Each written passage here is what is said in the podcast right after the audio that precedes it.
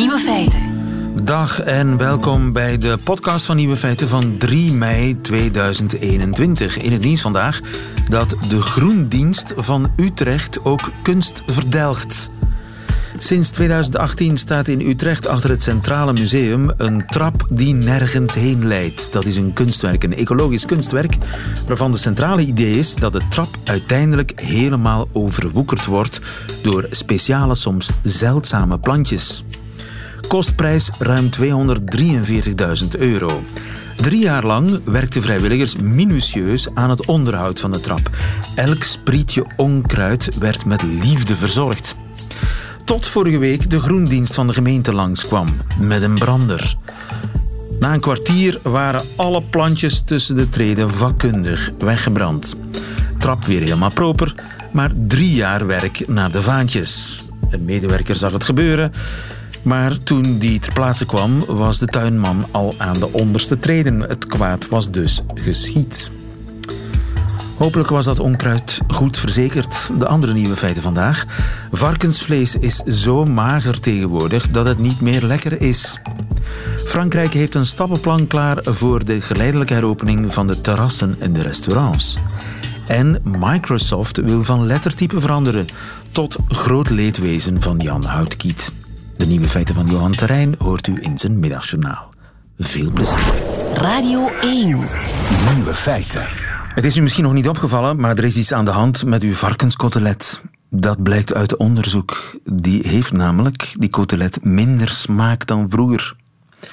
Minder sappig is die kotelet. En, sterker nog, dat is onze eigen schuld. Marijke Aluwe, goedemiddag. Goedemiddag. Je hebt meegewerkt aan dat onderzoek. Jij werkt voor het ILVO. En uh, dat onderzoek keek naar het vetgehalte van varkensvlees. Wat blijkt uit dat onderzoek? Dat klopt. Um, eigenlijk zien we de voorbije jaren meer en meer interesse naar uh, een stukje smakelijk varkensvlees. Hè. De consument eet minder vlees, maar is wel op zoek naar een goed uh, smaakvol stukje varkensvlees. En eigenlijk om voldoende mals en sappig te zijn, is het ook wel belangrijk dat er voldoende vet in zit. Um, eigenlijk doorheen de jaren is dat vetgehalte sterk um, gedaald, omdat we naar efficiëntere varkensproductie willen gaan, met minder vet aan. En ook de consument die ziet dat vet niet zo graag in zijn vlees zitten, omdat hij denkt dat het ongezond is. Maar eigenlijk zorgt het er ook wel voor dat het malser en dat het sappiger is. Dus als iemand in een supermarkt kan kiezen tussen twee koteletten om te kopen, dan zal hij in principe geneigd zijn om de kotelet te kopen waar minder vet aan hangt.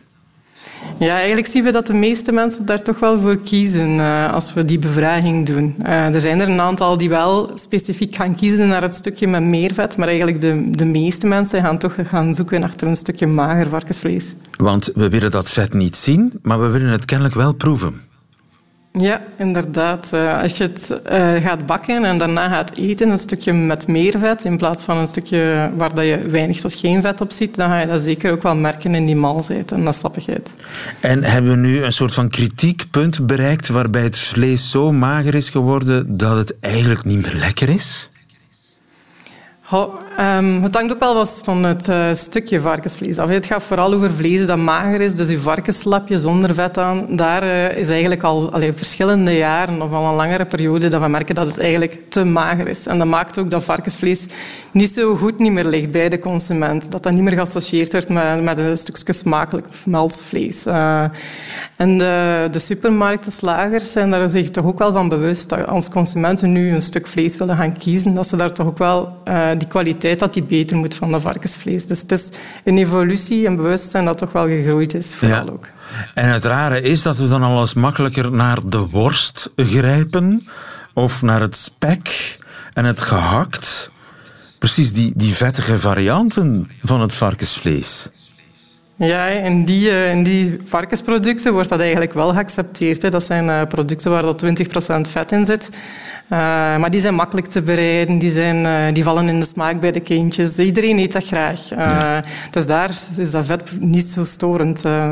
Maar heeft de boer nu de voorbije jaren speciaal varkens gekweekt met minder vet? Precies omdat die ja, meer verkopen? Het is een evolutie die uh, al een hele tijd aan de gang is. Het is zeker niet recent zo, uh, maar ze worden daar ook wel op uitbetaald. De slachthuizen gaan betalen op een, uh, een hoger mager vleespercentage, wordt dat genoemd. zo min mogelijk vet en heel veel vlees, veel spieren eraan. En ze worden daar ook goed op uitbetaald. Dus dat is ook wel belangrijk voor de boer om een goede prijs te kunnen krijgen. Dus de boer wordt eigenlijk betaald voor het pure vlees en het vet dat er aan hangt, dat is doodgewicht voor hem. Dat levert niks op. Het karkas levert dat zijn geheel natuurlijk wel op. Hè. Dus er wordt gestreefd naar een bepaald vleespercentage, een bepaalde hoeveelheid spieren ten opzichte van het uh, lichaam. Het is zeker niet zo dat hij niet betaald wordt voor vet, maar er wordt wel gestreefd naar, een, uh, naar niet te veel vet ook niet. Ja, en als we daar cijfers op plakken, kunnen we, kunnen zeggen er is het, het vetpercentage is min zoveel procentpunt uh, gezakt? Oh, dat is moeilijk om, om, uh, om zo te gaan uitdrukken. Uh, als we kijken naar het magervleespercentage of naar het uh, intramusculair vetgehalte in het vlees zelf, dan weten we wel dat we streven naar 2,5 procent. Dat is het vetgehalte dat, dat ervoor zorgt dat een stuk vlees sappig is, mals is, maar dat de consument het nog niet kan zien zitten. Dus dat gaat eigenlijk over het, het vetgehalte in het vlees. als we kijken naar het gehalte nu in het vlees, dat zit eerder rond anderhalf à 2 procent. Dus we mogen daar toch wel wat gaan stijgen om, uh, om meer sappigheid, malsheid in het vlees te krijgen. Ja. En is dat een, een probleem waar alleen het varkensvlees mee worstelt? Of is dat ook, geldt dat ook voor rundvlees? Um, bij rundvlees is dat net iets minder een probleem. Uh, maar ook daar, hè, hoe meer vet dat je in vlees gaat steken, hoe malser dat het gaat worden. Maar eigenlijk bij varkensvlees merken we toch wel dat die, de probleem van die taaiheid dat dat toch wel het grootste is. Ja, de varkensvlees is taai geworden soms. En dat is onze eigen ja. schuld. Dus uh, het, het, is ook de verantwoordelijkheid van elke consument om daar iets aan te veranderen. De consument, consument heeft alleszins wel de keuze om... Uh, om naar een ander type varkensvlees te gaan kijken. Hè. Om niet, uh, geen schrik te hebben om uh, een stukje varkensvlees te nemen waar dat toch wel een beetje dooradering van is, of een beetje marmering, zoals dat we dat noemen, in het vlees. Dus dat je eigenlijk die witte strepen daarin ziet, dan ga je kiezen voor een stukje met wat meer vet in. En dan ga je ook wel merken, als je het op een goede manier bereidt, dat het ook wel malser gaat zijn. Ja, en uh, als je minder vlees eet, dan kun je misschien toch gaan voor het lekkerste vlees. Voilà, ik als denk je dan als toch vlees moet maakt, eten. Ja, als je dan toch een stukje vlees uh, kiest, dan kan je inderdaad maar beter kiezen voor uh, een smakelijk stukje vlees. Marijke Aloué van het Ilvo, dankjewel. Goedemiddag. Graag gedaan. Radio 1. Dag. Nieuwe feiten. Lieven van den Houten. Het is een zware dag voor Jan Houtkiet vandaag, want zijn favoriete lettertype wordt afgeschaft. Calibri 11. De letter waarin wij allen mailen. Ik wist het niet, maar die heet dus kennelijk Calibri 11. Het lettertype van Word, Outlook, eh, van Windows, van PowerPoint, van Excel. Kortom, de letter van Microsoft die gaat op de schop. Microsoft is op zoek naar een nieuwe letter. Goedemiddag Jan. Dag lieve. Gaat het? Gelukkig is het minder erg dan je het laat uitschijnen. Oei. Want Calibri, zoals je het beestje moet uitspreken. Calibri. Oh, excuseer. Calibri. Ja, ja, ja, ik heb het ook maar moeten opzoeken. Maar het blijft bestaan. Alleen uh, zal het per, uh, niet per direct, maar per binnenkort niet meer de, het standaardlettertype zijn ja. dat Microsoft gebruikt in zijn vele producten, zijn Words en Excels en zijn vele andere. Maar jij dus bent het is geen grote meer, fan. maar- Het is geen standaard meer, dus je- dat wordt werken voor jou. Jij zal alles moeten omzetten weer, iedere keer. Nee, nee, mijn instelling, Calibri forever natuurlijk. Maar het, eh, het, is, het is een lettertype dat het eh, bijna 15 jaar als standaard volgehouden heeft. En je weet in deze tijden, om de zoveel tijd moet je toch eens eh, ja, veranderen van kleren.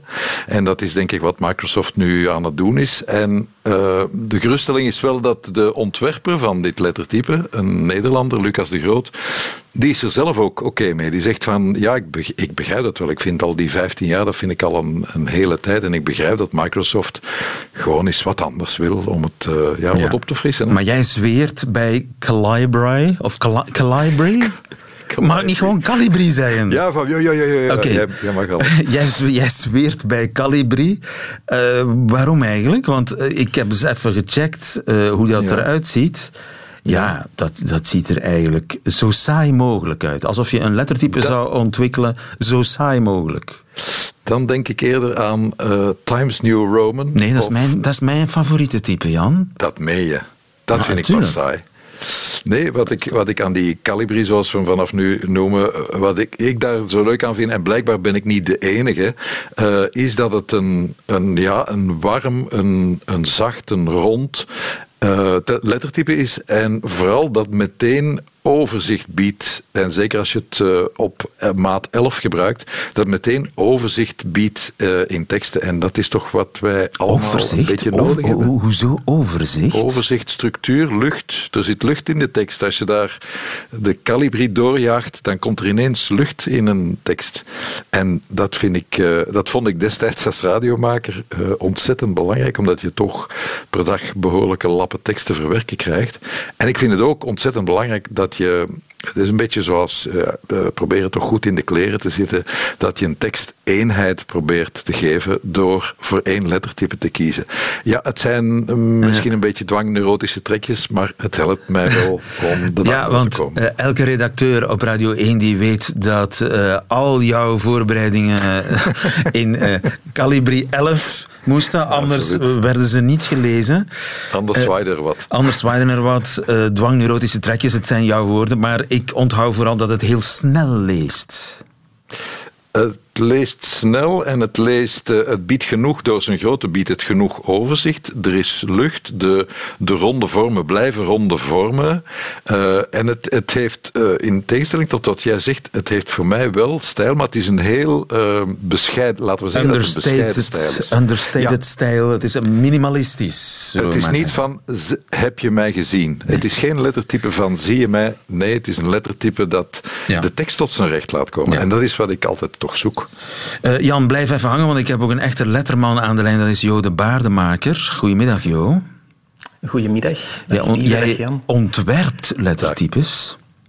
Ja, dat klopt inderdaad. Je hebt ja. zelfs al voor Microsoft gewerkt. Um, ik, inderdaad, ik heb voor Microsoft um, een paar jaar geleden ook het uh, interface lettertype Nirmala Bengali mogen ontwerpen. Gefeliciteerd. En dat is ook een... een dankjewel. dankjewel. Maar dus Calibri is uh, het standaard lettertype op dit ogenblik. Waarom moet het eigenlijk weg? Wel, um, de hoofdreden is inderdaad dat um, na zoveel tijd ze eigenlijk een nieuwe evolutie um, willen nastreven. En ook met dan uh, de evolutie van de technologie, verbetering van het lezen op schermen. Um, en ook uh, ja, inderdaad uh, aanpassingen van, van de visuele identiteit. Ja. Dat maar is, dat dan ook... eigenlijk allemaal veel woorden om te zeggen gewoon een changement de décor? Zo van we willen eens een ander behangpapier, we willen eens een ander kleurtje? Eigenlijk komt het daar een beetje op neer. Om toch een beetje zo mee te gaan met de ja, hedendaagse typografie, de hedendaagse stijl. Uh, die er zo een beetje heerst. En ook mee te gaan met ja, die nieuwe schermtechnologie. En, um, en ja, wat is die nieuwe net... schermtechnologie dat zij een nieuwe letter vraagt? Um, gaat voornamelijk om de verbetering van schermen op verschillende um, ja, apparaten, om het zo te zeggen. gaat van zowel de desktopcomputer als laptops, smartphones, uh, tablets. Dus die letter en... moet overal even goed op passen klopt, inderdaad even goed leesbaar zijn. En zeker zoals Calibri of Calibri um, is dat een lettertype dat eigenlijk inderdaad neutraal moet zijn en eigenlijk bedoeld is op, op kleine korpsen lange paragrafen tekst te lezen. Ja. Um, en dat is eigenlijk de bedoeling dat op al die systemen en al die ja, toestellen of apparaten eigenlijk, die interfaces, dat eigenlijk heel vlot leest zonder dat er eigenlijk veel aandacht aan het lettertype zelf gegeven wordt. Ja, want ik let er nooit op eigenlijk. Maar er hangt ook heel veel van af. Hè? Want uh, een, een, een, fractie van een millimeter in één letter verschil ja, kan pagina's... Oh, ja, want het gaat om zoveel letters. Dat ja. er, er hangt heel veel van af. Klopt, klopt, klopt, inderdaad. Want als je zeker met, met uh, lettertypes of fonts die bedoeld zijn voor, voor lange paragrafen tekst, als je lettertypes hebt die van proportie te breed zijn of te breed uitgespacieerd zijn, um, dan ja, gaan de kolommen en de, de paragrafen veel langer lopen. En dan ga je bijvoorbeeld langer tijd nodig hebben om de tekst te lezen, om, om te scrollen op je scherm. Maar als je het zou vertalen naar um, de lettertypes die dan gebruikt worden voor drukwerk, zou je met diezelfde eigenschappen veel meer papier nodig hebben. Dus gaat het ook duurder worden om in die lettertypes Inderdaad, te om papier. Uh, Jan Houtkiet zweert bij Calibri 11. Jij ook? Um, zeker Calibri of Calibri vind ik echt een mooi lettertype geweest. Nog altijd trouwens hoor. Geweest, het hoor je dat, Jan? Geweest. Ja, het blijft bestaan. Het blijft bestaan. We so hurt zeker. geweest. Klopt, klopt, klopt. Wel, meer bedoel ik van inderdaad omdat nu de nieuwe ja, uh, fontmenus van Microsoft gaan aangepast worden. En, en Calibri blijft inderdaad in het fondmenu, dus je kan het nog altijd zelf selecteren. Um, maar het blijft zeker dienst doen. En in die zin, ik vind lettertypes en typografie is natuurlijk iets heel subjectief. Um, en ik vind dat je zelf moet, moet de instellingen kunnen maken waar je het zelf ja, goed bij voelt en het meest makkelijke leest of communiceert. Heb je enig idee de kanshebbers voor de nieuwe Microsoft Letter, ja. om, om die titel in de wacht te slepen? Heb, heb je daar alles naar gekeken? Ja, zeker hoor. Ik ken ook de meeste van de letterontwerpers die dat eraan gewerkt hebben, ken ik ook zelf. En het zijn een vijftal voorstellen uh, die Microsoft gedaan heeft. Um, het gaat van Grandview, dat een meer geometrisch lettertype is, dat gebaseerd is op um, ja, de DIN-normen uit Duitsland. Het is iets mechanischer, um, vrij grote x-hoogte. dan heb je nog Tenorite. wat, dat wat is een x-hoogte? Ja, de x-hoogte is eigenlijk um, de basishoogte van het lettertje x, waar dat eigenlijk alle onderkasten op gebaseerd zijn. Kleine dus letters. Dus ook als je bijvoorbeeld alle, alle kleine letters eigenlijk. De, de, de maat voor de, kleine letters. De maat voor de kleine letters. Dat is de x-hoogte. Dat noemen we de x-hoogte, inderdaad. Want de eigenschappen die eigenlijk een goede tekstletter hebben voor kleine korpsen, is eigenlijk dat die x-hoogte vrij groot is, hoog verticaal gezien qua proportie. En dat dan de stokken en de staarten, dat zijn eigenlijk die uitsteekseltjes, zoals de vlaggetjes bij de F of de staartjes bij de J en de P, die beneden de basislijn, hangen, dat die eigenlijk vrij klein gehouden worden. Ah, ja. um, zodanig dat je eigenlijk een optimaal beeld hebt van de tekst. En dat je ook makkelijk van um, ja, het ene woordbeeld naar het andere woordbeeld kan springen. Ehm, als je doorheen de tekst leest eigenlijk. En dat is het voordeel van uh, Grandview, of van Seaford, wat zei je? Uh, nee, ja, dus van Grandview, dat is, die heeft een vrij grote x-hoogte. En persoonlijk vind ik iets te mechanisch of te machinaal. Um, het is een beetje te, koel en te koud voor zeker lange teksten te zetten. Um, mijn persoonlijke voorkeur ga je naar Seaford, omdat die iets, ja, moet ik het, eleganter ontworpen is. Um, door een team van uh, Tobias Frere Jones. En um, ja, die heeft ook een iets meer humanistisch menselijk karakter met eigenschappen van het handschrift. En ik vind dat dat toch belangrijk is dat dat toch in een lettertype blijft zitten. Jan Seaford, kun je daarmee leven? Wel, ik weet dat Seaford zich geïnspireerd heeft op foto's van oude, uh, oude zetels, oude armchairs. Armchairs, ik weet, ik weet niet of ik daar uh, vrolijk moet van worden. maar wat ik wel zorgwekkend vind, een klein beetje toch, is er zijn nu vijf types geselecteerd. Microsoft legt mhm. die voor aan ja, ik zal, ik zal het maar noemen, de Twitter-gemeenschap. En daar gaat nu uitgemaakt worden wat het nieuwe standaardlettertype wordt. Dus de Twitter-gemeenschap gaat bepalen wat mijn nieuwe uh, standaardlettertype wordt. En daar word ik een klein beetje ongerust over. Jo, ben je daar ook zo ongerust over? Moeten de specialisten daar niet over gaan? Um, om eerlijk te zijn vind ik het een, een, uitdaging dat ze dat aandurven. Want het is, als je de tweets en, en ook de andere social media of, of fora leest, gaat het echt alle kanten op. En om eerlijk te zijn, om aan zoveel gebruikers, die echt internationaal eigenlijk uh, ja, Office gaan gebruiken, aan het woord te laten, denk ik dat ze toch moeilijk daar een, een, een beslissing ja, op kunnen bouwen. En om eerlijk te zijn vind ik het ook wel. Ik vind het mooi dat ze het woord laten, maar om, ik denk toch dat ze persoonlijk een team zullen instellen dat dat toch uiteindelijk de selectie gaat maken. En um, ja, ik vind het toch subjectief. En, gewoon. ja. Zoals uh, destijds de, de, moest je in het publiek zitten en stemmen bij tv-shows. En dan bleken die, bleken die niet eens aangesloten te zijn, zoiets. Enfin, uh, maar we dwalen af. Uh, dus we krijgen een nieuwe letter. Uh, Jode Baardemaker hoopt dat het Seaford wordt. Jan Houtenkiet ja, moet zien het leven verder te zetten zonder uh, Calibri. Of hij zal al zijn teksten uh, omzetten in, in Calibri. En ik zweer bij Times New Roman. Ik weet ook niet hoe het komt. Omdat het trager leest, denk ik. En om het, omdat het ouderwets is. Maar, dat zijn twee goede redenen. maar die, die ik eerder bij een oudere, een oudere blanke man zou, zou verwachten dan bij jou. Ik geef het gewoon toe, uh, Jan. Jo de Baardmaker en Jan Houtkiet, dankjewel. Goedemiddag. Dankjewel. Dag, lieve. Dag. Nieuwe feiten. Coucou de France. Met Alex Visorek.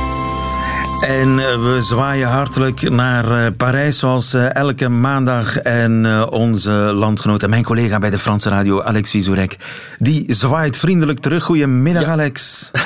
Goedemiddag, lieven. En afgelopen week had Emmanuel Macron een aangename verrassing in petto voor de Fransen.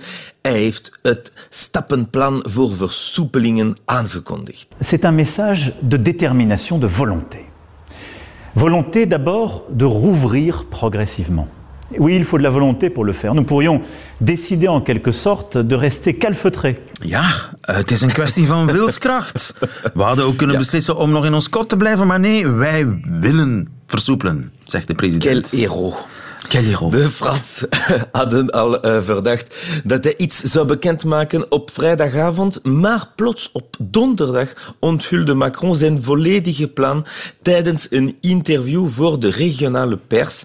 Maar er waren al wat aanwijzingen, aanwijzingen dat er een versoepeling zou komen. Maandag was de president op bezoek in een school en daar sprak hij met een twaalfjarige meisje. Une petite fille fait remarquer au président de la République que le couvre-feu à 19h c'est un peu énervant pour reprendre ses mots. Réponse d'Emmanuel Macron, on va essayer de le décaler un peu car 19h c'est tôt. 19h c'est tôt, de voilà. avondklok dat is inderdaad die, die 7 uur, dat is een beetje vroeg inderdaad, ja, zegt de president aan dat meisje. Ja.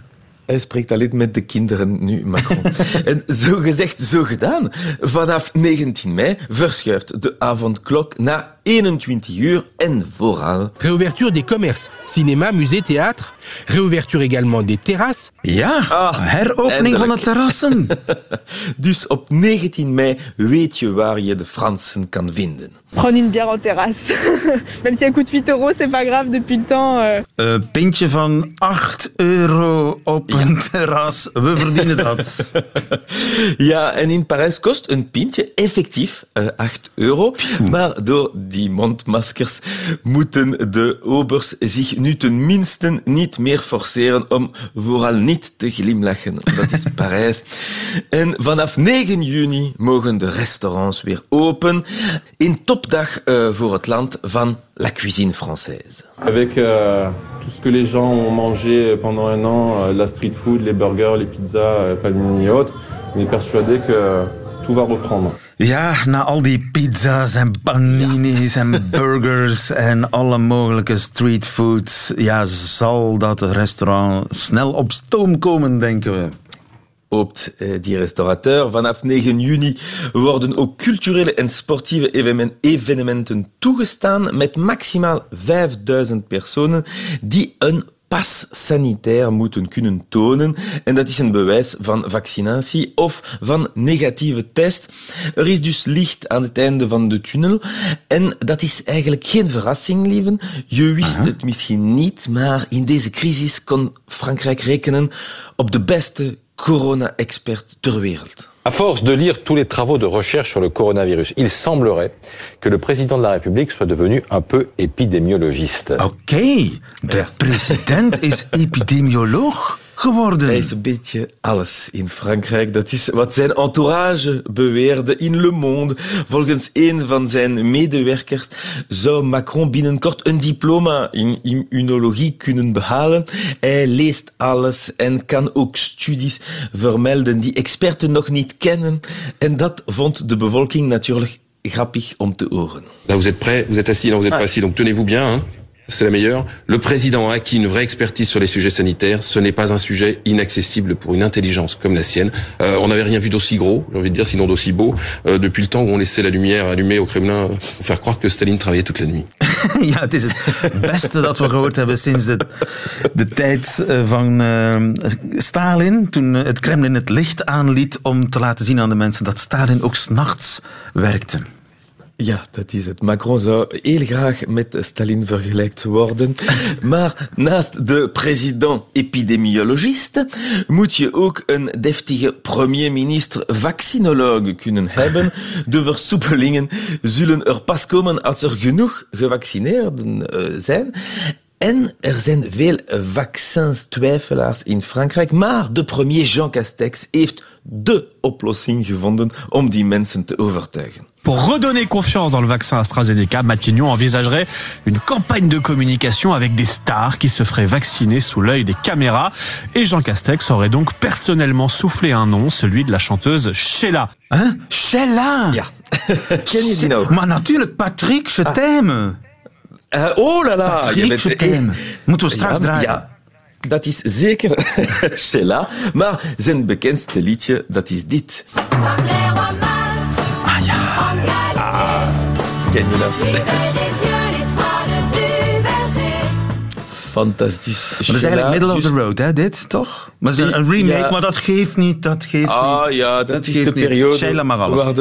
Oui, de Franstaligen een beetje ehm traduction deden. En eh, eh, een zangeres van de jaren 70, als je je ze niet kent, om eh, twijfelaars te overtuigen. Twijfelaars die vaak heel jonger zijn dan A. En er was één persoon die niet blij was, en dat was Sheila, natuurlijk. Ze heeft eh, geen contact met de overheid gehad en eh, vindt het erg gênant eh, om te worden geassocieerd met een laboratoriummerk, dus AstraZeneca. En nog straffer, ze had al een vaccin gekregen, maar dus met of zonder Sheila is het bedoeling dat alle Fransen vanaf 15 juni uitgenodigd worden om zich te laten vaccineren. En ondertussen zullen de regels in de fase versoepeld worden. Stilletjes kan je meer mensen zien, meer reizen. En wie staat er nog het meest te poppelen? Onze president-epidemioloog. Ce que je veux faire, là, dès le début du mois de juin, c'est reprendre mon bâton de pèlerin et aller dans les territoires. Moi, je veux cet été pouvoir reprendre le pouls du pays, aller au contact Aha, hij gaat de pelgrimstaf terug opnemen en dan polshoogte nemen in heel het land, de president. Dat is het. En eh, ik hou jullie zeker op de hoogte van wat hij vindt in het land. En eh in tussentijd, ik heb eh, 16 euro op zak, lieven. Aha. Heb je liever twee pintjes op een terras in Parijs of volgende week acht pintjes in Brussel? Oh, eh, dan moet ik even nadenken. Dus eh, acht pintjes in Brussel of twee op in Parijs. Ja, dat is de ratio. Alex, ik kies voor Parijs. Het is niet de kwantiteit die telt. Ah. de kwaliteit. Waarmee ik niks verkeerds over Brussel wil zeggen, maar goed, Ik Parijs. Het verlangen is groot. Tot volgende week, Alex. Ja, tot volgende week. Radio 1. Altijd benieuwd. Dat waren ze, de nieuwe feiten van 3 mei 2021. Alleen nog die van Johan Terrein moet u krijgen in het Middagjournaal. Nieuwe feiten. Middagjournaal. Beste luisteraar, ik ben op mijn hypochondrische hoede. Dat komt zo, ik kwam vorige week een collega tegen met een tenniselleboog. Niet dat ze tennist, zo vertelde ze mij. Nee, zij had haar tenniselleboog opgelopen door piano te spelen. Dat vond ik hoogst eigenaardig, omdat ik nog nooit iemand piano had zien spelen met zijn elleboog. Maar sindsdien ben ik wel bang dat ik ook risico loop op een tenniselleboog. Niet door te tennissen of piano te spelen, maar door te signeren. Het is mijn eigen schuld. Ik kwam op het impulsieve idee om een nieuwe boek via mijn website gesigneerd te verkopen. Ik moet u niet uitleggen hoe opgelucht ik nu ben, nu ik mijn zwarte stiftje even mag neerleggen om u toe te spreken in dit middagjournaal. Ik heb de laatste tijd een paar interviews gegeven over mijn boek tijdens het uur blauw. Men wil dat dan voor de aardigheid ook een uur voor zonsopgang doen en ik zeg ja, want ik hou van dat moment. Tijdens een van die vroege interviews vroeg de journalist me wat nu mijn persoonlijke mening was over de maatregelen omtrent begrafenissen. Ik zei dat mijn mening er niet toe deed, dat er al genoeg deskundigen zijn in het meningencircus en dat mijn boek verre van een pamflet is, maar eerder troost wil bieden aan mensen die op zoek zijn naar manieren om met hun verdriet om te gaan. troost. Het woord is gevallen. Het doet denken aan wierook en koekenbrood, zeker op een moment dat je goed in je vel zit, maar als je het plots nodig hebt, blijkt het moeilijker vindbaar dan gedacht. Het is een schaars geworden goed in deze tijden van isolatie. Mensen kunnen natuurlijk ook troost vinden in een boek of in muziek, maar als je het bij elkaar wil vinden, dan moet je je wel verbinden op een iets dieper niveau, daar waar je geen armen meer nodig hebt om elkaar te omhelzen. Dan geeft troost nieuwe adem, geeft het opluchting. Helaas heeft niet iedereen evenveel aanleg voor troost. Ik kon het vroeger zelf ook niet zo goed. Als iemand verdrietig was, keek ik verstomd een beetje weg. Zolang ik op het alles oké wel niveau kon blijven, was ik op mijn gemak. Maar kijk, soms komt troost gewoon als troost nodig is. Op dit moment is dat in de vorm van het initiatief Heel het Land, dat allemaal kleine evenementen bundelt rond troost. Hoor die mooie titel nog maar eens: Heel het Land. Om heel het land te helen dus. Zoek het op, haal er uw hart aan op. Volgende week mag u weer de terrassen op. Maar voor nu is het tegengas voor de verharding, de opsluiting, de eenzaamheid. Het gaat op zoek naar verbinding in een staat van ontbinding. Heel het land.